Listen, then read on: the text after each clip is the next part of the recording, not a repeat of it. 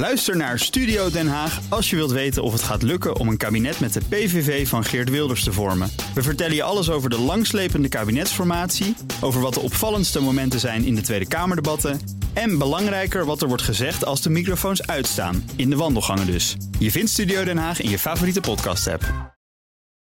De Nationale Autoshow wordt mede mogelijk gemaakt door Lexus. Experience amazing. DNR Nieuwsradio. De Nationale Autoshow. Meindert en Wouter. Rijden op waterstof. Het is een veelbelovende technologie, maar ja, de echte doorbraak lijkt toch nog wel even een eindje weg. Waarom Oh. doe ik Twitter? We krijgen straks een storm op Twitter van allemaal mensen die helemaal niet Oh, eens zijn met het ja, waterstof. ja, ja, ja. Maar goed, eh, het moet veranderen, vindt de nieuwe voorzitter van de waterstofbranche. Hij barst eh, van ambitie. Welkom, een uur lang alles over auto's, mobiliteit hier op BNR. Wil je reageren op deze uitzending? Ja, dat kan dus ook via Twitter, het, het BNR Het, Autoshow. het valt me altijd op dat zeker Tesla-fans... en soms zijn het ook Tesla-rijders... echt wel heel fel op eh, waterstof kunnen reageren. Ja. Ik denk, jongens, het Dat is... komt omdat de grote ziener Elon Ja. Musk anti-waterstof is. Ja, ja, ja, die meneer die met zijn privéjet heel veel vliegt, die meneer. Ja, en raketten de ruimte in ja, stuurt. groen, Ja. een groen hart heeft. Een heel groen Nee, hart. maar We ik, ik moeten snap allemaal de aarde en de mensheid te redden. Ja, dat is waar. Dan vlieg je lekker heen en weer. Nee, maar weet je, interessant aan waterstof is denk ik een heleboel zaken. Dus blijf gewoon even luisteren. En daarna mag je nog steeds niet eens zijn met het al dan niet toepassen van waterstof. Maar het is in ieder geval een, alternatief. En daar moeten we met elkaar naar kijken. En je mag ook gerust reageren, ook als je het heel erg stom vindt allemaal. Eh, straks het auto-interieur van de toekomst, Wouter. Ja, eh, Jan Fong, de grootste interieurproducent ter wereld, eh, die, ja, die introduceert een nieuw interieur in Californië. Het eh, XIM20. Ja, het is een beetje moeizaam allemaal natuurlijk. Maar wat wel grappig is, daar zitten echt wel heel innovatieve dingen in, die ook daadwerkelijk gewoon al werken. Dus dat, dat is gewoon leuk om even te horen. Een blik in de toekomst. Ja. En we hebben natuurlijk ook weer de dienstauto van. Ja, ja, ja, ja, van een, gitarist. Een eh, Amerikaanse auto. Dat is wel een beetje ehm, een cliché, vind ik altijd. Die rijden altijd wel, eh, Ja. ja, rock and roll. Anders moet ik een Amerikaanse auto. Dan denk nou, doe, doe nou eens wat anders. Dat is niet gewoon lekker met een uprijden of een ja, Picanto precies. of zo. Ja, gewoon lekker tegen de raas. Ja. Maar dat is natuurlijk weer niet zo. Jammer. Eh, dan nog even dit. Wat zeg jij? Auto of auto? Allebei volgens mij. Ik weet het niet. Ik zet ook een beetje. Auto, maar mijn auto? voorkeur gaat toch wel uit naar auto. Ik heb daar Auto? ook thuis vaak wel oneenigheid over. auto. Mijn lieftallige vrouw die vindt dat het auto is. Auto. En mijn kinderen gaan er helaas in mee. Ja. Maar eh luisteraar Rob van Haarlem die mailde ons met die prangende vraag: zeggen we nou auto of moet het auto zijn? Nou, we hebben die vraag maar eens voorgelegd aan taalkundige Mark van Oostendorp. Dilemma komt eigenlijk omdat eh, auto, eigenlijk automobiel of auto, automobiel. Die automobielindustrie is begonnen, eh, wat ons betreft, in Frankrijk. En het is dus een Frans woord oorspronkelijk. De Fransen zeggen automobiel. Die Fransen, dat, dat woord automobiel hebben de Fransen gemaakt op basis van het Grieks. Auto betekent zelf en mobiel betekent, nou ja, mobiel bewegend. Dus beweegt vanzelf. Dat is eigenlijk wat automobiel of automobiel betekent. En ja, dat is een Grieks woord. En dus als je het op zijn Grieks wil uitspreken, dan zeg je automobiel. En als je het op zijn Frans wil uitspreken, zeg je automobiel. Maar ja, om nou te zeggen dat, eh, dat het correct is om Grieks te praten of correct om Frans te praten, ja, dat valt dus niet te zeggen. Ja, zegt, praat Nederlands met me. Ja, nee, maar het valt natuurlijk wel te zeggen. Je moet naar de oorsprong gaan. Want wat, Ja, maar waar ligt de oorsprong dan, Nou ja, Wouter? in, Dat eh, is in dus de vraag. Ja, Nee, dat is alleen van het woord zelf. Ja, ja, maar het is een zelfrijdende. Dat is ook leuk. Nee, Een zelfrijdende automobiel, Ja. daar hebben we het ook veel Nou. over. Dat is dus dubbelop. Dat is dubbelop, inderdaad. Dat klopt. Eh, overigens, je kunt eh, gewoon stemmen Ja. Twitter, want we hebben een polletje gezet op ons Twitterkanaal. Ja. Eh, de stand is nu 76% voor auto, en Auto's, 24% voor auto. Ja, we hebben veel klassiek opgeleide luisteraars. Dat blijkt maar weer. Hè? Allemaal, allemaal gymnasiummensen die dat gewoon weten. Die zeggen allemaal auto. Die zeggen allemaal auto. Die denken, ja, het komt van het Grieks, van het woord zelf. Nou ja, alsof zij weten hoe je het oud-Grieks moest uitspreken. Eh, dat vind ik ook zo'n raar iets. Ja, nee, geen idee. Dan moet je naar het huidige Grieks gaan om te kijken. En dat zou dan, nou ja, goed. Ja, Eh, ja. Ik denk, met 24% horen wij gewoon lekker tot de elite. elite auto. Auto. Zo, goed, dat is dan gezegd. Eh, we gaan door met eh, rijden op waterstof. Het gast is William van Niekerk, de nieuwe voorzitter van de Nederlandse Waterstof- en Brandstofcel Associatie, de NWBA. Hij is tevens baas van bouwbedrijf Maurik Infra. Welkom. Dankjewel. Gaan we tutoyeren? Graag. Graag, fijn. Eh, je bent belast, ik begin gelijk maar mee dan. Je bent belast met een eh, zware taak, want eh, ja, rijden op waterstof, Ja, gebeurt eigenlijk nauwelijks. Het gebeurt nauwelijks in Nederland, dat klopt. 50 auto's op de Nederlandse wegen. Er zijn heel weinig auto's die op Ja, waterstof rijden in Een paar Nederland. bussen. Ja, een paar bussen. Ja, en de, onze ambitie is natuurlijk dat dat meer wordt. En dat willen we graag omdat we geloven dat waterstof een hartstikke goed alternatief is om Ja. eh, je duurzaam te verplaatsen. Ja, maar het is natuurlijk ook wel een beetje wc-eend, te beveeld wc-eend aan als je, als je de waters, Nederlandse waterstof- en brandstofcelassociatie. Ja, de, de leden van onze associatie, en dat zijn eh, bijvoorbeeld eh, de brandstofbedrijven, maar ook bedrijven die technologie maken, Ja. die zien de voordelen van dat waterstof. En eh, die zijn ervan overtuigd dat als je die voordelen leert kennen, dat je het ook beter gaat waarderen. Dus daar moeten we het dan eens over hebben, wat de voordelen zijn. Maar ook, waarom eh, zitten jullie daarin als, als, als bouwbedrijf? Ja, als bouwbedrijf eh, blijkt dat we best wel veel al met waterstof doen. En je ziet het in de industrie komen. Je ziet dat waterstof eigenlijk al een standaard gas is wat heel veel eh, gebruikt wordt. Maar je ziet ook al dat onze klanten denken van... goh, ik wil iets met waterstof. We hebben bijvoorbeeld in België het eerste waterstofstation gebruik, eh, gebouwd. We zien het nou in Nederland opkomen. En net als met de hele energietransitie ja, zal er ontzettend veel moeten gebeuren. ook op het vlak van mobiliteit. En wij denken dus dat we daar een steentje aan bij kunnen dragen.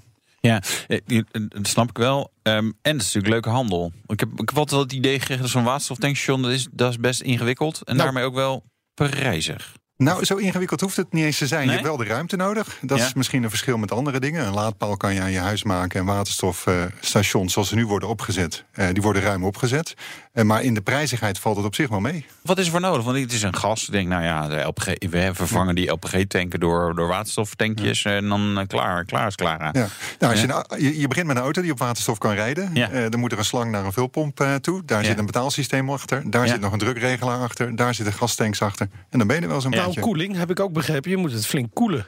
Je moet de waterstof wel behandelen. Ja. eh, maar Op flink druk gezet worden. Er moet moet een compressor hè, dus- bij zitten. Ja, dus er zit een regeleenheid bij. Die heeft ook even ruimte nodig. Maar dat is op zich weer niet zodanig dat je daar eh, veel bijzondere voor- dingen voor nodig hebt. Het is niet per se rocket science dus. Niet per se rocket science. Nee. Het bestaat gewoon al jaren. Ja. Is, is het duurder, ehm, of, of kan je in verhouding ten opzichte van gewoon, gewoon- tankstation met benzine, diesel Ja. en LPG eh, en, en, en, en aan vaak anderhalve laadpaal, is een waterstoftankstation dan, dan een factor x duurder of valt het nog wel weer, ook wel weer mee? Het is duurder en dat is omdat die regeltechniek eh, ingewikkelder is. Eh, om van die hoge druk naar lagere druk te gaan. Dat is ingewikkelder. Maar voor de rest is de ruimte die je nodig hebt niet duurder. En eh, in feite eh, hoeft dat niet veel meer te kosten. Wat wel zo is, is dat je eh, op dit moment eigenlijk heel weinig van die stations nog hebt. Dus Ja. er is nog veel onbekendheid met de aanleg. Ja. Maar op het Ja. moment dat je de ruimte hebt, kun je Ja. gewoon aan de slag. Maar gaan die kosten ook dalen? Wa- Wat, wat kost het nou, zo'n tankstation? Een waterstoftankstation? Ja, je ziet dat de waterstoftankstations van nu ver- onvergelijkbaar zijn met wat je langs de snelweg ziet. Dus je ziet vaak maar één of twee vulpunten. En dat maakt het relatief duur. Want je hebt de hele installatie voor één of twee eh, vulpunten. Maar de, je verwachting is dat het gaat dalen als je meer Ja. vulpunten Maar bij wat, elkaar wat hebt. kost het nu? Ja, dat is lastig om wat van te zoiets? zeggen. Maar nee, ik denk dat je daaronder moet zitten. 100 miljoen. Ja. Nou, dus dat valt wel mee. En Ja. er waren ambities om eh 2018, dat is dus vorig jaar al, hè, inmiddels, ik ben, ik ben er inmiddels aan gewend dat we weer in 2019 eh, leven, zouden we een landelijk dekkend netwerk van 16 waterstoftankstations, eh, tankstations zijn, moeilijk woord. Eh, Helemaal niet. Nee, ja, vind ik wel. en in eh, 2020 zouden er 20 moeten zijn. Ja. Het zijn er nu drie, geloof Ja. ik. Hè? Ja, Het blijft lekker. vreselijk achter. Ja. Ja. En ja. Wat gaat er mis? Ja. Wat gaat er mis? Jullie zijn de vereniging. Het gaat niet goed met de vereniging. Het gaat hartstikke goed met de vereniging, daar maak je maar geen zorgen. Maar wat er misgaat, is dat er aan de ene kant natuurlijk veel te weinig infrastructuur is. En daardoor eh, voor veel mensen de drempel om op een waterstofauto over te stappen eh, te hoog was. Nou komen de eerste auto's op de markt. Ja. eh, die best toegankelijk zijn en ook concurreren met de elektrische auto. Dus eigenlijk, er is een grote doelgroep, dat hebben we gezien, voor dat soort type auto's. Maar die auto's die hebben nog geen netwerk. Dus het wordt tijd dat er een netwerk van laadpunten gaat komen. Z- Zijn er alweer eh, tankstations in aanbouw? Waterstoftankstations? Het station in Roon wordt nu wat verder uitgebreid. Er Ja. zijn plannen voor meer tankstations. Meinert weet er alles van, hè? Meinert? Ja, nee, dat, eh, ja. nou, daar kan ik straks, straks nog wel wat over vertellen dan hoe dat eh, is verlopen. Maar, ehm, Maar de meeste waterstofstations in aanbouw zijn in het buitenland op dit moment. Ja. In Duitsland, daar timmert men al aan de weg. Ja. Hoeveel komen er daar? Maar Dat dat is echt honderden Dat volgens zijn mij. er honderden. Ja, Ja. ja. dit jaar zal men al op de honderd zitten. En dat Ja. gaat in een paar jaar door naar honderden. Ja, Ja, en wij hebben er drie. Ja. Ja, lekker bezig met het klimaatakkoord, hè? Ja, toch? nou Ja, er zijn ook mensen die zeggen dat waterstof helemaal niet zo goed is voor het klimaat. Want het feit, de manier waarop waterstof wordt gecreëerd op dit moment is nog gewoon uit gas. ja. Dus eh, de- ja, dan ga jij het klimaatakkoord erbij halen. ja, Daar valt gewoon. wel wat over te zeggen. Ja, nou, wat je over waterstof maken kan zeggen, is dat het op drie manieren gemaakt kan worden. Het kan uit gas worden gemaakt. Het kan uit gas worden gemaakt en dan kan je de CO2 die je overheid op, overhoud opslaan, dat is blauw waterstof. En je kan het maken bijvoorbeeld uit zonne-energie of uit windenergie. En met name dat laatste, daar is natuurlijk de hoop op gevestigd. Want straks gaat het bij tijden uh, harder waaien dan het net aan kan. En dat betekent dat je duurzaam kan produceren. Zometeen gaan we het hebben over wanneer heb je nou een landelijk dekkend netwerk van die waterstoftankstations. Hoeveel, hoeveel, ja, hoeveel tankstations heb je nodig? En we doen de dienstauto van. En dan ga jij luchtgitaar spelen. BNR Nieuwsradio. BNR, de Nationale Autoshow. Tijd uh, voor het nieuwsoverzicht van deze week, Wouter. Ja. Gooi er een beetje energie in, hè? Ja. Autoverkoop in januari. Fors in de min. Ja. Lekker is ja, dat. Nou, ja, en jij wil er energie in steken. Ja, ja. Daling van maar 19 procent. Nou, valt wel mee met, in vergelijking met eh, januari vorig jaar. Ja, maar we weten allemaal hoe het komt. Uh, Bijtellingsregels zijn veranderd. Iedereen heeft zijn elektrische auto naar voren gehaald. Ja, 3500 Jaguar iPaces. iPaces. Ik weet niet of ze allemaal al uitgeleverd zijn. Ik denk nee, dat ze allemaal op kenteken. Zijn, ja, dat is wel kenteken. Wel, nee, maar of ze al, de klanten ze ook allemaal al hebben. Ja. ja, en de BPM is ook weer omhoog gegaan natuurlijk. Dus ja, weet je, zijn nog allemaal auto's. Ja, allemaal voor 1 januari op kenteken gezet. Ja. Maar ja, weet je, die markt die wordt wel structureel verziekt door de Nederlandse overheid. Maar Zo is het. what Uh, else is? Overigens, onze uh, Nederlandse overheid is wel lekker bezig natuurlijk. Ja. Een hele discussie afgelopen week over wat de subsidie op de elektrische auto Ja, kost. ho, ho, ho, dat is toch geen subsidie, Nou, hè? dat wou ik Ja. inderdaad zeggen. Ja, nou ja, feitelijk is het natuurlijk wel Nee. juist. Hè, Ja. De, eh, overheid geeft geen geld uit. Nee, ze krijgen minder binnen. Ja. Ja. Ze geven korting. Korting, ja. ja. Het komt wel een beetje op hetzelfde neer uiteindelijk natuurlijk. Maar Omdat eh, je dat geld niet meer uit kunt geven. eh, ja, als overheid niet. En als, eh, als degene die een elektrische auto rijdt, wel. Dan kan je dan lekker van eh, op vakantie met vliegtuig bijvoorbeeld. Ja, die is Wat bijvoorbeeld kwijt. Elon Musk ook, eh, die heeft geloof ik, eh, wat was hij nou, 270.000 kilometer met zijn, eh, met zijn jet gevlogen afgelopen jaar. dus alle winst van al die Tesla's, dat is alweer in CO2 in eh, kerosine door eh, Elon Musk eh, weggestoken. Maar dat is een ander onderwerp. raketten niet eens vergeten. maar goed, Ehm, oké. Ja, 700 miljoen euro zou je, dat zou je kunnen berekenen dat dat die elektrische auto's de komende vijf jaar kosten. Dat is natuurlijk niet helemaal waar. Die discussie ging natuurlijk ook alweer.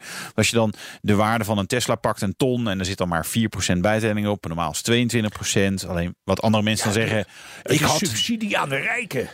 Ja, nee, dat is absoluut eh, eh, waar. Want is, nee, als jij een, eh, een auto van de zaak, nou, dan beginnen veel mensen in een, een upje, een polootje of weet ik wat, een Ja, maar het zijn echt, sorry, maar niet iedereen die in een Tesla rijdt is puissant rijk. Dat is Nee, wel nee, nee, nee, maar het je, bent, je bent ook geen bijstandstrekker. Nee, dat zeker niet. De- Mensen die je succesvol zijn. Je zit ja, een beetje mid-level. We, zijn, gaan te lang door, hè? maar dat is wel Nou, leuk. eh, als je dat niet kunt betalen, een elektrische auto, dan kun je altijd een auto importeren. Ja, En als je dan heel goedkoop uit wil, wil zijn, dan ga je lekker rommelen. Of dan laat je rommelen. Ja, weet je, ik, ja, ik vind, het- vind een beetje, een beetje En de gezeur. staatssecretaris gaat Gezeur door de staatssecretaris. Kijk, die BPM, dat is nogal omstreden belasting. Nou, dan zijn er manieren om wat minder te betalen. Ja, nou ja, dat doen we dus met z'n allen. Eh, en dan gaat hij zeggen, nee, maar ik ga, ik ga het nu beter controleren. Have I got news for you? Zoek eens even op Belastingdienst en reorganisatie. En dan zie je dat er allemaal mensen daar zijn uitgegaan. Dus de grote vraag is of ze daar überhaupt capaciteit voor hebben. En als ze nee. capaciteit hebben, of het handig is om het te besteden aan nou, die importauto's. Kijk, er wordt mee gerommeld. Dus schadeauto's worden geïmporteerd. Maar Nou, ah, weet is je, iets veel simpelers. Als je de BPM nou eindelijk eens wat verlaagt, dan is er minder reden om die auto's te importeren. Nee, dan koop je gewoon lekker een nieuwe die eh, veiliger is, zuiniger, beter voor het milieu. Nou, noem maar, maar op. En dan Dus- heb je gedaan wat je hebt beloofd. Ja, maar ja, aan dat de is moeilijk, hè? Ja, Ja, eh, de nieuwe Renault Clio. Nou, daar kunnen we kort over zijn. ja, Moet ook. ja. Van buiten evolutie, van binnen revolutie. Nou, fantastisch. ja, ja, nou, Oké, tot slot. De W-series. Ja, Ja, de vrouwelijke tegenhanger van de Formule 1. Nou, ja, hey. is dat een vrouw? Ja, het is niet helemaal Formule 1 volgens mij hoor. Het is een raceklasse waar dan alleen W. maar vrouwen. Ja, Formule oh, W. nee, dat is voor iets anders. Formule W, ja, dat is tegen vratten. Eh, maar goed, nee, Al jaren geen verratten meer gehad. vier Nederlandse dames eh, eh, in de race. Waaronder Stefan Cox, die we natuurlijk een tijdje Ja. geleden hier in de uitzending hebben gehad. En nog drie andere dames. Maar we moeten nu afronden, dus ik kan niet alle namen zeggen. Wanneer volgt de definitieve line-up? Weet ik veel. Maart. De dienstauto van. Ja, bekende mensen vertellen over hun passie voor auto's. En dit keer hebben we... Ja, Frans van Soest. Dan denk je, huh, wie? Spike. Oh, mooi. Dat dan echt die, die, die, die, de artiestennaam is echt veel ruiger dan zijn echte naam Nou. natuurlijk. Eh gitarist van eh, Direct.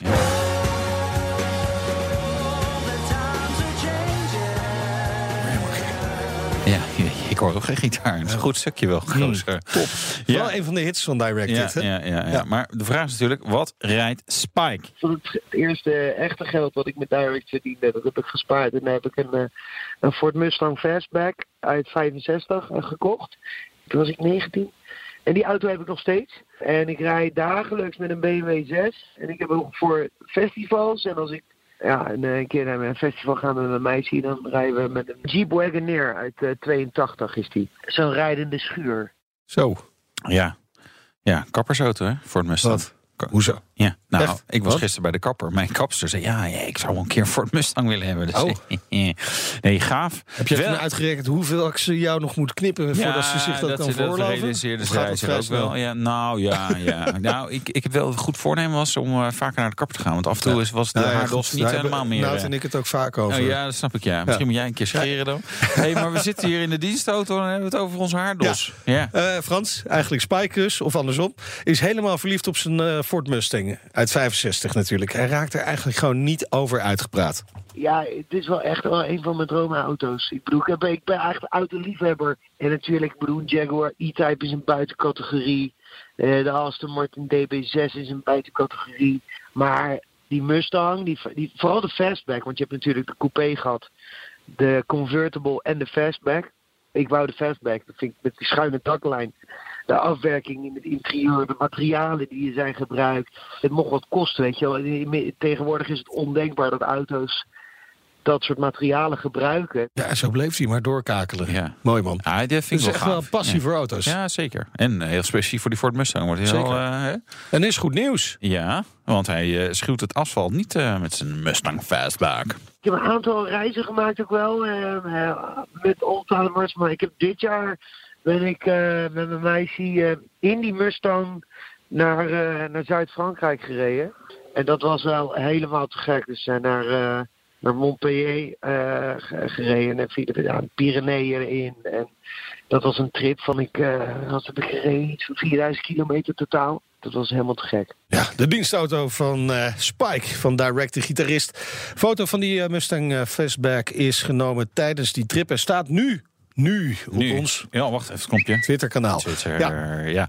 Hey, ja, wel leuk. Weet je dat je dan zo'n auto hebt, maar dan ook echt gewoon afstellen mee rijdt? Dat vind ik wel, eh, wel gaaf. Meer afleveringen horen van de dienstauto? Check bnr.nl slash dienstauto. BNR Nieuwsradio. BNR, de Nationale Autoshow. En te gast is eh, William van Niekerk, voorzitter van de NWBA... de Nederlandse Waterstof- en Brandstofcel-associatie... tevens de baas van bouwbedrijf Maurik Infra. We hebben het dus over rijden op waterstof. Nog steeds vrij onbekend bij het grote publiek natuurlijk. Er rijden ook maar enkele tientallen waterstofauto's rond in Nederland. Die kunnen maar op drie, vier plaatsen tanken. Het hangt er een beetje vanaf hoe je er naar kijkt. En soms kom je tegen voor een eh, dicht hek te staan.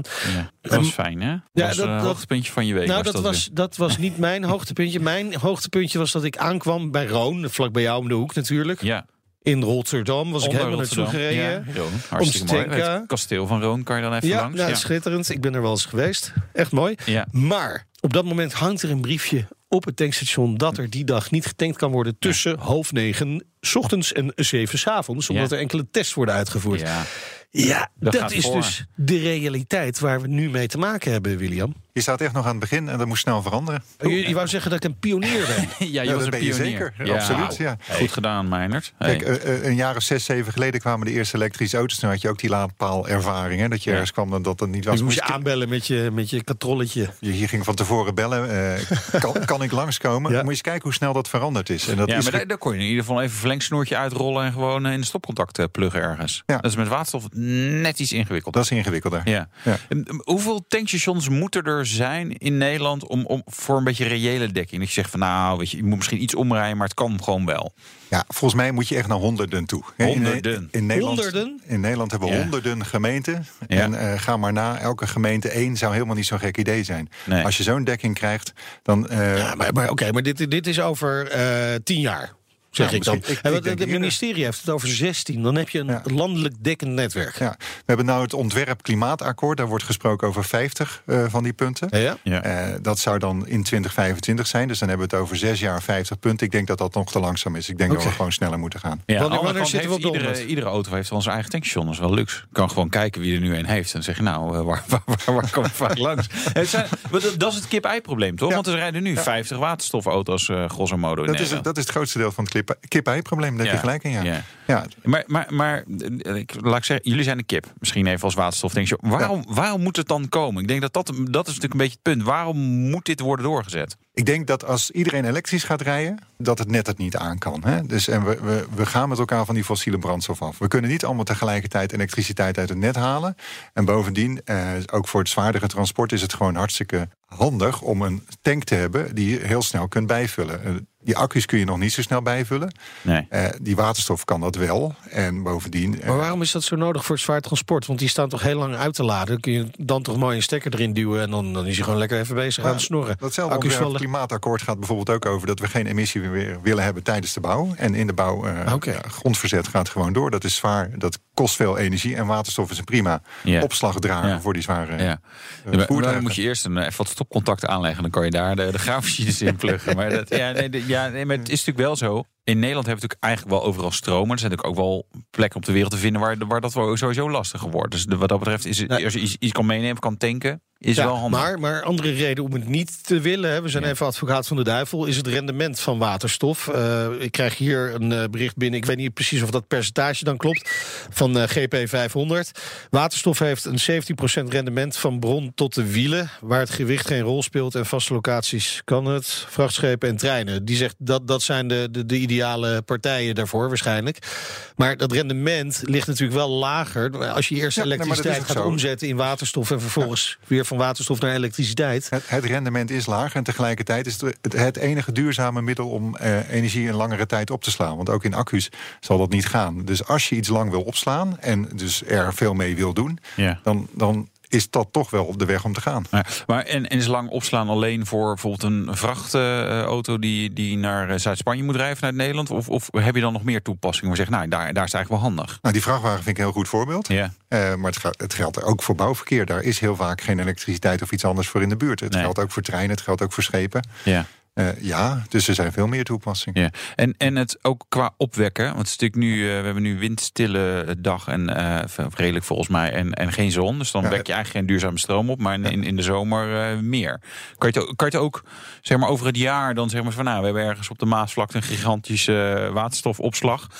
om, om, om het op die manier zeg maar te spreiden. Ja, maar dat kan dus ook bij bedrijven. En dat kan, hè, dus ook bedrijven die over hebben, zouden het ook in hun eigen tank kunnen opslaan. Het kan Ja. ook in de buurt als je met elkaar zonnepanelen op je huis hebt. En Ja. je kan het niet kwijt op het net, want daar Ja. gaan we wel naartoe. Ja. Dan is het ook handig onze eigen waterstofcentrale Ja. oprichten, ja? Ja, je, je dat- eigen tanken, je eigen Ja. elektrolyse. Ja, het gebeurt al, hè? In, in, eh, in Maarn, geloof ik, is een klein tankstationnetje. In Maarn is er een, eh, een bedrijf dat eh, voor zichzelf die spullen heeft neergezet... en zegt onze medewerkers kunnen op waterstof rijden... en wij zorgen dat dat eh, geladen of gevuld kan worden. Maar wat je ook ziet is dat er al experimenten zijn met gebouwen... waarvan wordt gezegd, weet je wat, alle zonne-energie slaan we op op waterstof... en zorgen dat het gebouw erop draait. Ja. Maar hoeveel, hoeveel ruimte heb je nodig om, om, om, om, om dan een beetje, beetje, beetje energie op te slaan, waterstof? Want dat, dat, dat vind ik dan. Ja, ik weet het gewoon niet. Weet je, Ja. heb je dan een enorm grote tanks nodig? Valt wel weer mee. Het valt wel mee, je kan het stapelen. Eh, in Amerika zie je zelfs dat waterstof ergens op het dak wordt geplaatst. Dus je kan het ook. Het hoeft niet per se in de Ja. vrije ruimte te staan. Eh, maar eh, tientallen vierkante meters voor één pompstation. Nou, is er wel dat, dat incidentje ooit met waterstof geweest? Een, een Zeppelin. Ja. het, is, het is best brandbaar. En dat zetten we dan boven op een dak. Is dat een goed idee? Ja, het voordeel van waterstof is, eh, als het lekt, dan is het veel lichter dan lucht. Dan normaal gesproken loopt Ah, het ja. gewoon weg. Ja. Eh, het, het stijgt veel sneller op in Ja, vergelijking met geen benzine. eh, sigaretje bij aansteken. Dat is niet Dat zo gaat heel erg over de straat heen en dat ontvlamt. Dat doet waterstof niet. Dat stijgt op en dat is weg. Dus Ja. daarom hoor je eigenlijk nooit meer van die incidenten. Ja, als je de boel echt aansteekt, dan heb je een probleem. Ja. Maar we hebben het tegenwoordig over tanks en niet meer over een luchtballon. Dus dat is toch wel echt heel anders dan toen. nee. Ah, oké. Maar, maar, maar het, is, het, het, het is wel een gevaarlijke stof. Maar goed, dat is benzine natuurlijk ook. En een accu eh, eh, is ook interessant als die in de fik Het- gaat. het-. Ja, dat zijn Ja. ook leuke plaatjes, Ja. kun je daarvan maken. Ja. Ja, maar Ehm, het is wel een gevaarlijke stof die heel snel weg is. Ja, nou, dat is- benzine. Ja. We hadden het net over de dienstauto, maar eh, je hebt zelf natuurlijk ook een dienstauto. Ja. En, en dat is een Tesla Model S. Ja. Waarom geen waterstof? Ja. Ja, die Tesla Model S die kan ik overal superchargen. Dus daarmee ben Ja, ik ja, heel Europa precies. door geweest. Dat gaat hartstikke goed. Helaas gaat dat nog niet met waterstof. Maar wanneer ga je over? Ja, ik zeg altijd, mijn volgende auto wordt een waterstofauto. ja, hoe lang duurt dat nog?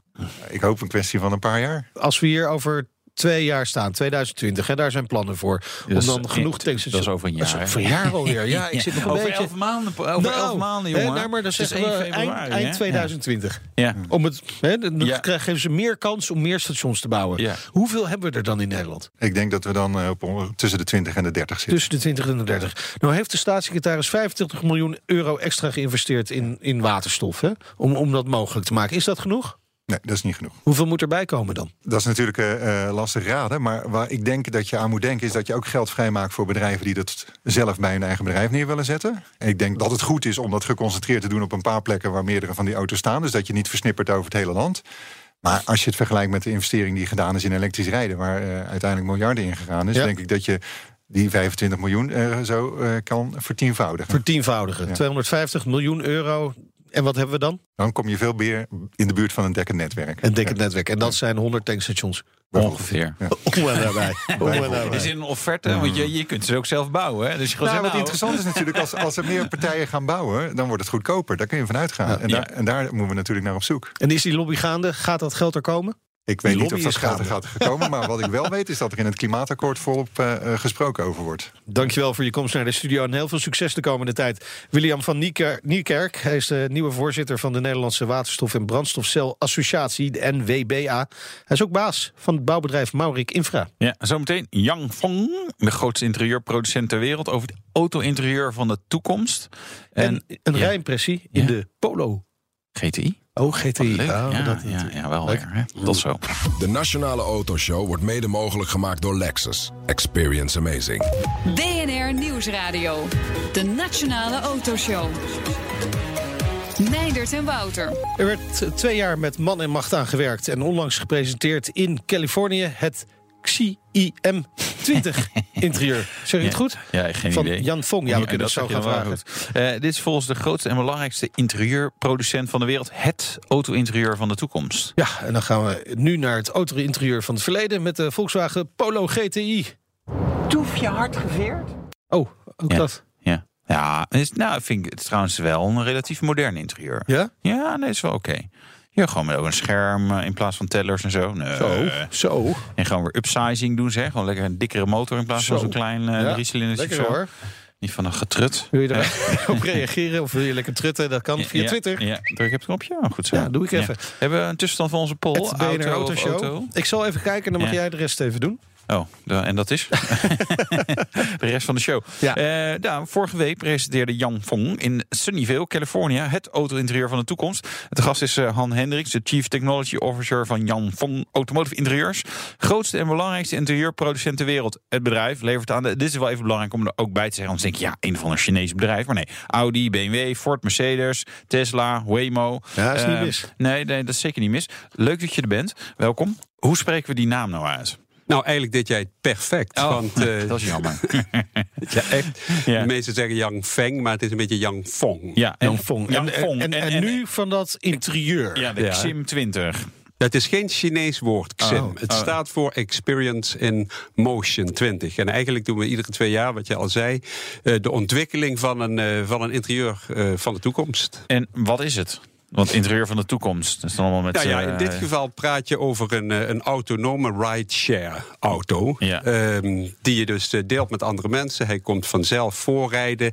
En dat is een compleet nieuw mobility concept, zeg maar. Maar ik ben Ja. ervan overtuigd dat we daar naartoe gaan. Ja, maar dan- dan kan je eigenlijk gewoon naar metro- en businterieurs kijken. Dus eh dat moet makkelijk afwasbaar zijn en, eh, niet al, en lekker hufteproef. Ja, maar je, maar je drukspuit wil erop, wel. Ja.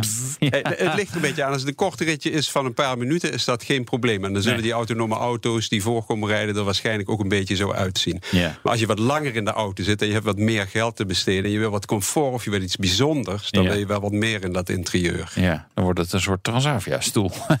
nee, het is best interessant. Maar eigenlijk kan je natuurlijk vooral ook naar openbaar vervoer kijken. Want het is, Ja, maar openbaar de- vervoer heeft één groot nadeel. Dat Ja. is altijd hetzelfde. En met die autonome auto's, als je dus zelf geen auto meer koopt... en dezelfde auto vier jaar lang rijdt... is het eigenlijk hetzelfde als eh, eh, bepalen welke schoen schoenen je aandoet voor welke activiteit. Ja. Als je gaat tennissen, doe je je tennisschoenen aan. Heb je een, eh, een avond in het theater, doe je andere schoenen aan. En als je die auto niet meer bezit, maar je kunt kiezen wat je wil, afhankelijk van wat je gaat doen, die uur, dat uur of die minuten of die avond, kies je die auto. Ja. En die komt voorrijden. En die past zich dus aan aan wat je die avond of die dag nodig hebt. Precies. Eh, onze redacteur Nout die zet even wat foto's op Twitter... zodat uh, luisteraars ook uh, nog iets beter beeld krijgen... van wat het, het interieur van de toekomst inhoudt. Maar als ik het kort kan zeggen, is het ook ja, geen stuur... Nee, dat klopt. Wel op, optioneel volgens mij, dat stuur? Nee, in dit geval, in, dit concept niet. Oké. Het vorige concept hadden Ja, we dat wel, dat kon wegklappen. Ja, De- precies. Deze Oh, die is nu echt helemaal weggelaten. Twee stoelen voorin en een, eh, ja, een soort loungebank achterin eigenlijk. Daar komt het op neer. Nou ja, het is eigenlijk een beetje ook de, de, de consument de keuze bieden. Wil ik buiten op het terras zitten en wat meer van de omgeving genieten? Of wil ik me wat terugtrekken eh, binnen in het En als je restaurant? buiten op het terras wil zitten, dan laat je de schuifdeur open gaan. Precies, dan eh, heb je wat meer eh, contact met je omgeving, zeg maar. En dan, dan heb je meer ruit om je heen. Ja, bijvoorbeeld. meer ruit om je heen. Ja. Ja. En, en achterin zit je, dan zit je meer in Meer een een soort... cocoon, zo, Ja. waar je een beetje terug kunt trekken. Maar ja, het gaat ook vooral om die functionaliteit hè, die, er, die erin geïntegreerd is. Een aantal functies die we nu eigenlijk niet kennen en die wat, misschien wat minder relevant zijn.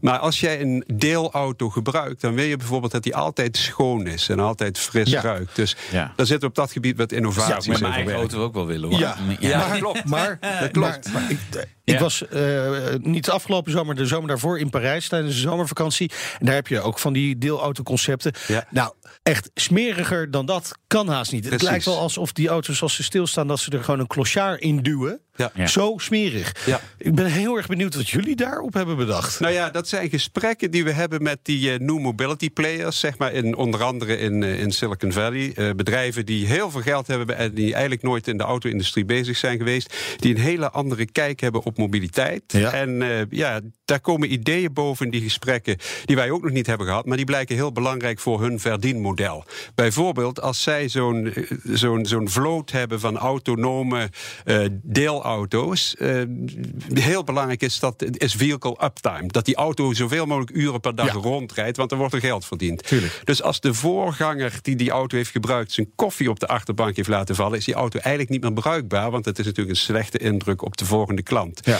Dus allerlei technologieën en middelen om die auto, dat, dat auto-interieur altijd schoon en functioneel te houden, die worden belangrijk. Dus een van de innovaties in onze auto, we noemen dat een UV sanitizer. Dat is een eh, UV-licht wat ook voor operatiekamers gebruikt wordt, die in een paar seconden de ergste aanraakplekken even schoonmaakt, Ja. bacterievrij maakt Ja. en eh, misschien s'nachts een heel Ja. interieur schoonmaakt. Oké, die, die koffie haal je er nog niet vandaan. Eh, Nee, of of, nou, of er zit zitten er van dat eh, gemakkelijke plastic op de banken? Precies, nou denk daar even over na. Die, die vlek die is daar, zitten allerlei sensors in dat interieur, intelligente stoffen en, en andere sensors.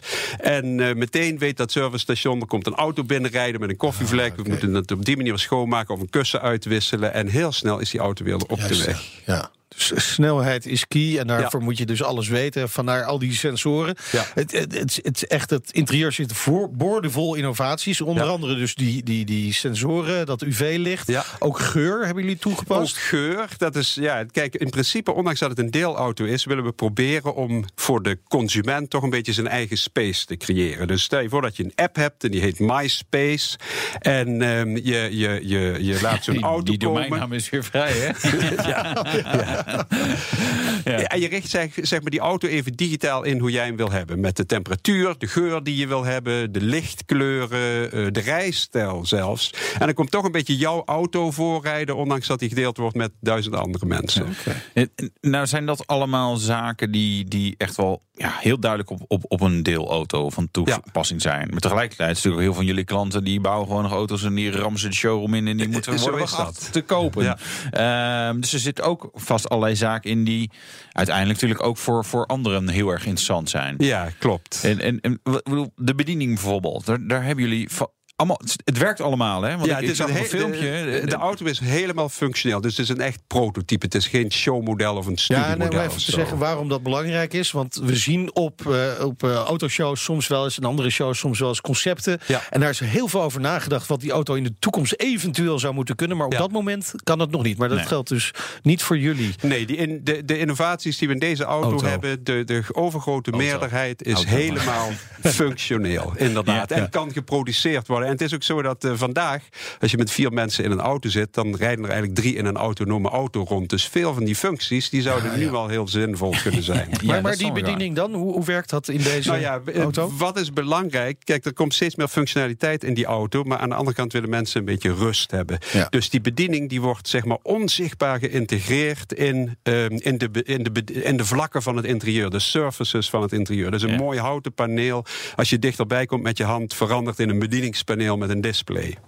Ja, oh, dat is ook wel handig voor de eettafel. Als je denkt van, nou, Ja. ik wil even, de, even oh, iPad hamburger, niet. hamburgertje Ja, weg, ja. kouwen.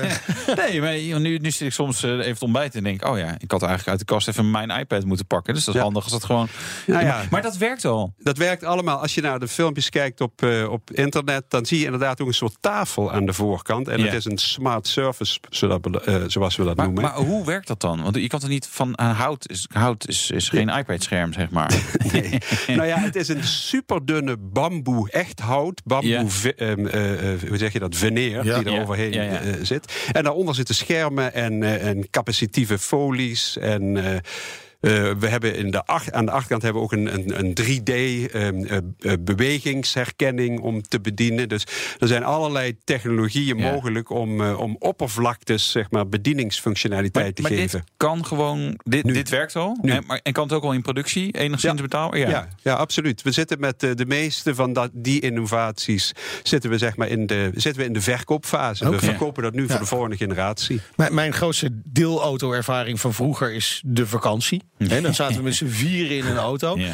En Ik ik weet niet hoe het bij jou was, maar bij Ja. ons was er altijd ruzie over de muziek. Omdat er Ja. gewoon vier, vijf... Nee, we zaten met z'n vijf in de auto. Och, jeetje, wat erg. Eh, eh, vijf verschillende muzieksmaken ongeveer. Ja. En ja.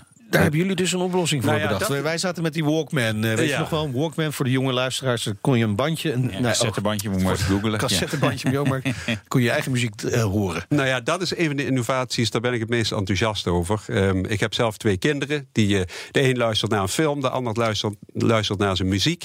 En je hebt in die kleine ruimte gaat dat geluid door elkaar. Nou, deze innovatie die we samen met onze partner Novito, een start-up uit, uit Silicon Valley, hebben ontwikkeld, is een speakersysteem, eh, software en een intelligente camera. En die zorgt ervoor dat jij alleen jouw geluid hoort. Dus je kunt met z'n vieren in de auto zitten. De een voert een telefoongesprek, de ander muziek, een film, noem maar op. Serieus? En je hoort alleen. Dus het Zonder nadeel, dat je dus een koptelefoon op hoeft te zetten. Precies. Het nadeel van kinderen met een koptelefoon is dat je ze bijvoorbeeld helemaal afsluit. hè. Je Ja. kunt er niet meer mee praten. En in dit geval zijn ze, blijven ze in contact met hun omgeving. Maar ze horen alleen Ja. Hun eigen Ja, muziek. tot, tot, tot ze een filmpje kijken hoor. Want dan eh, Super. Ja, dus dat is echt dat goed. zijn ze ook echt afgesloten Ja. bij mij. Ik weet niet hoe het bij jou zit, Wouter. Maar Dat, ja, tv je- kijken en dan kun je bom, roepen, dat eh, gebeurt ja. helemaal Ik heb wel eens de iPad uitzetten en dat, dat, dat daarna nog vijf seconden duurde voordat ik überhaupt had gereageerd. Ik denk, nou, je zit er echt diep in. Ja. Eh, vakantie bij mij was ook eh, dan. eh, mijn vader had een periode dat hij dacht: ja, we gaan niet over die tolweg in Frankrijk. Want dat is dat ook kost geld natuurlijk. Ja. Je kunt ook gewoon die, de andere routes, route nationaal kiezen. Is het enige nadeel, heb je wat meer bochten en zo. ik ben heel benieuwd waar dit naartoe gaat. Nou, weet je wel. Nee, wagenziek. Ik, ik word wagenziek. Zeker Ah, ja, ja, achterin. ja, ja. Ja. Eh, Gelukkig nog niet nog van mezelf, maar daar hebben jullie ook wat voor verzonnen. Want dat is natuurlijk ook een probleem in een autonome auto. Gaat potentieel ook zijn dat we allemaal Lam erin gaan. kotsmisselijk eruit komen. Iets te veel gedronken. Nee, ja, nee maar Net als jij nu al wagenziek wordt... dan is het natuurlijk de vraag of het handig is... of je dan in een, in een autonome rijdende Ja. auto gaat zitten... die Ja. daar geen rekening mee houdt. Nou ja, dat is heel goed. De, de verwachting is dat inderdaad wagenziekte wat toeneemt met autonome auto's. Ook als je achteruit zou rijden. En er zijn er allerlei manieren om wagenziekte te verminderen. Dat gaat onder andere met geur. En we hebben inderdaad in dat eh, systeem wat we in de auto hebben... waarmee je geuren kunt eh, creëren in het interieur... ook een eh, gepatenteerde geur die wagenziekte vermindert. Maar ook als je de autostoel binnen een bepaalde vibratie houdt... frequentie, vermindert dat ook wagenziekte. Verder met licht en geluid kun je dat beïnvloeden. Ja, jeetje. Ja. Mooi hè?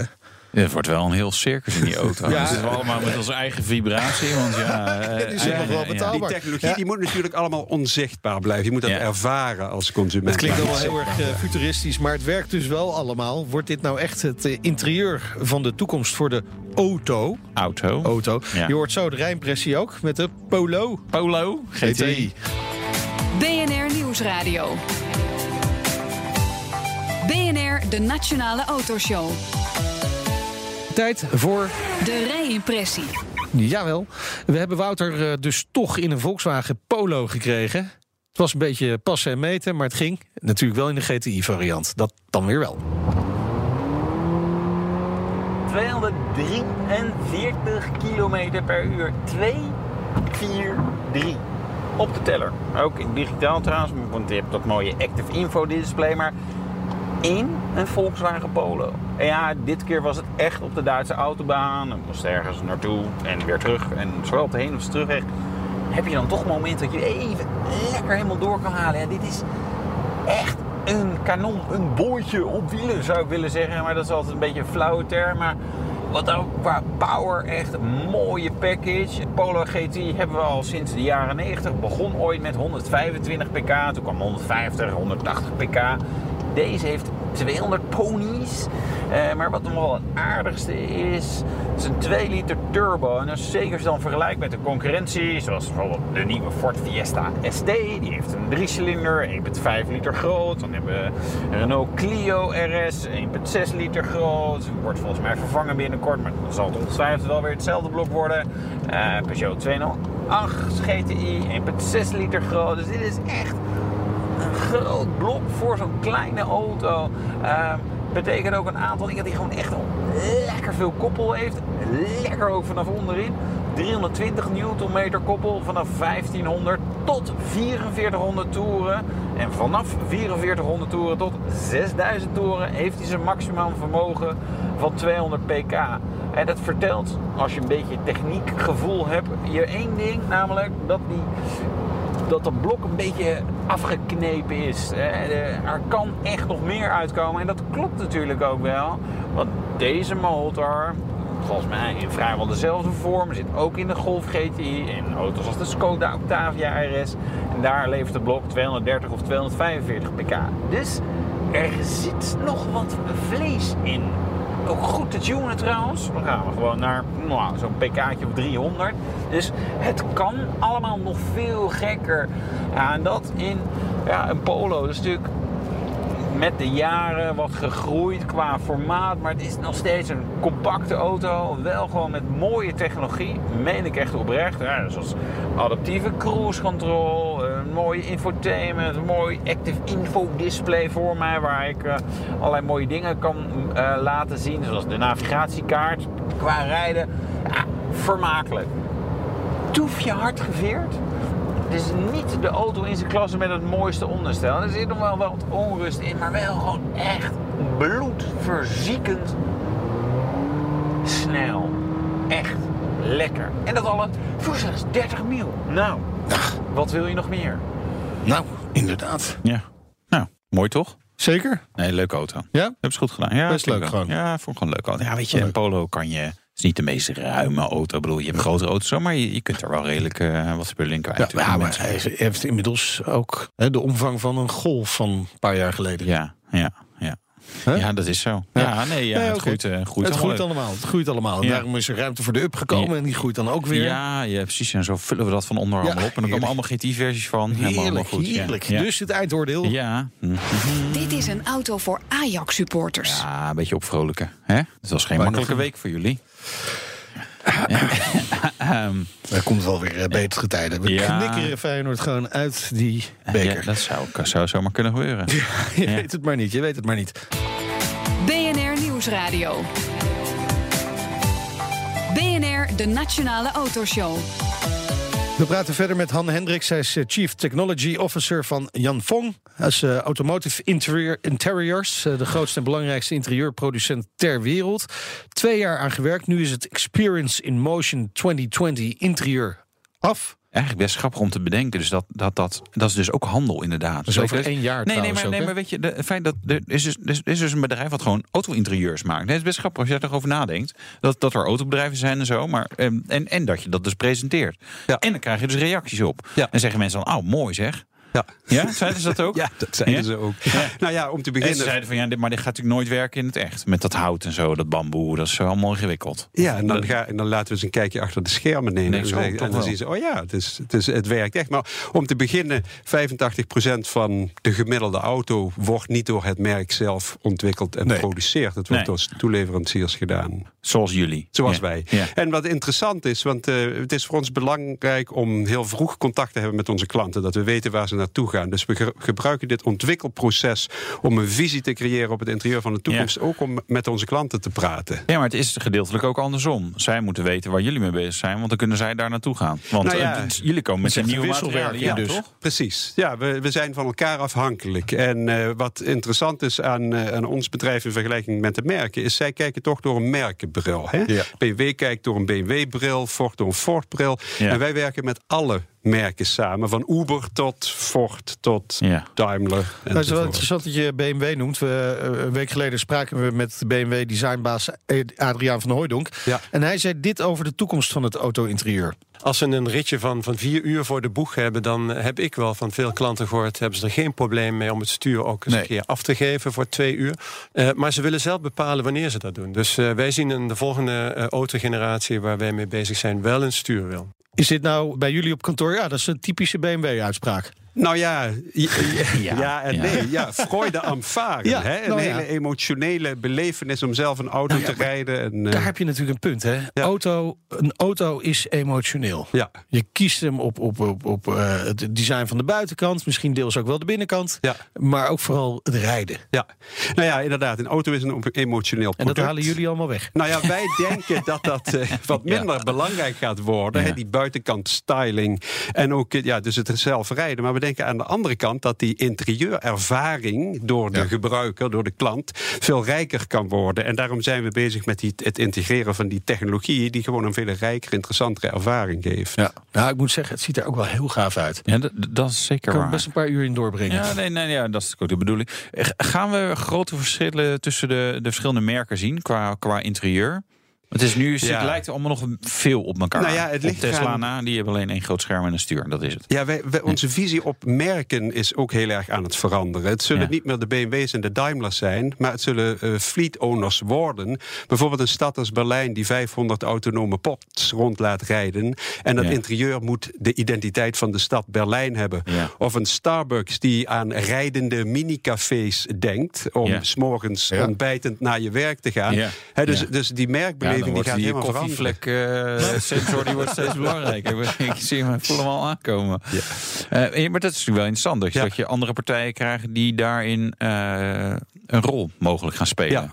Er is wel heel veel theorie, hè? Denk van, joh, eh, ja, maar als ik nu gewoon naar de Volkswagen dealer ga, dan, dan koop ik gewoon die Polo. Nou ja, we- en, en nog niet een, kan nog niet in de Starbucks Klopt. eh, pot eh, stappen. Dat klopt. En als je, als je de geschiedenis erop naslaat, is het vaak zo dat mensen overschatten in hun enthousiasme wat er de komende twee jaar gaat veranderen. Maar als ze over tien jaar terugkijken, blijkt er meer veranderd te zijn dan wat ze toen Ja, dachten. maar het grappige is, want je zegt twee. eh, en eh, als we kijken naar eh, dit concept, wat jullie daar hebben gepresenteerd, dan zit daar 2020 in. Ja. Dat betekent dat jullie eigenlijk volgend jaar al dit verwachten, toch? Nou ja, die, eh, die introductie van zelfrijdende auto's, dat zal niet van de een op de andere dag gebeuren. Nee, dat zien gebeurt we nu geleidelijk. heel geleidelijk Precies, komen. maar dat komt echt. In Ook in de 2021 grote stad? vrachtwagens. Ook in die drukke stad? Zeker in, in grote steden. Zeker in bijvoorbeeld een, een land als China, waar de regering dat soort besluiten wat sneller en makkelijker neemt. En waar ook Freude aan varen ver te zoeken is in Shanghai. ja, dat is Ja, natuurlijk in, en in daar heb steden je misschien ook een wat minder mensen die eh, anarchistisch eh, gebruik maken van de weg, zoals in Amsterdam of Rome, Ja. Rotterdam. Ja, Rotterdam, ja, precies. In Rotterdam hebben we wel van die zelfrijdende pots. Hè? Ja. Ik, eh, als ik naar mijn sportschool ga, dan kom ik er langs. Ik heb hem al een keer ingehaald. Ze gaan echt tergend langzaam. Nee, als je daarnaar kijkt, denk je, nou, dit is de toekomst, Ja, maar de- jongens. Nou Kijk, dat is dus niet meer zo erg als je zo'n interieur hebt. Nee, dan maakt het dan Maakt niet uit dat dat je, het uren eh, duurt. Ja, nee, dat is zo. Maar het is inderdaad zo. Waymo heeft zijn eerste pilot met een paar honderd zelfrijdende taxis in Phoenix. En dit jaar komt GM, Ford en Daimler met een vergelijkbaar grote schaal, zeg maar, introductie van zelfrijdende taxis. Ja. Eh, Naar welke ehm, automerk moeten we kijken voor, voor de gaafste interieurdingen de komende, komende jaren? Kan je daar iets over zeggen? Of ga je dan klant beledigen? Ja, nou ja, dat is een beetje moeilijk.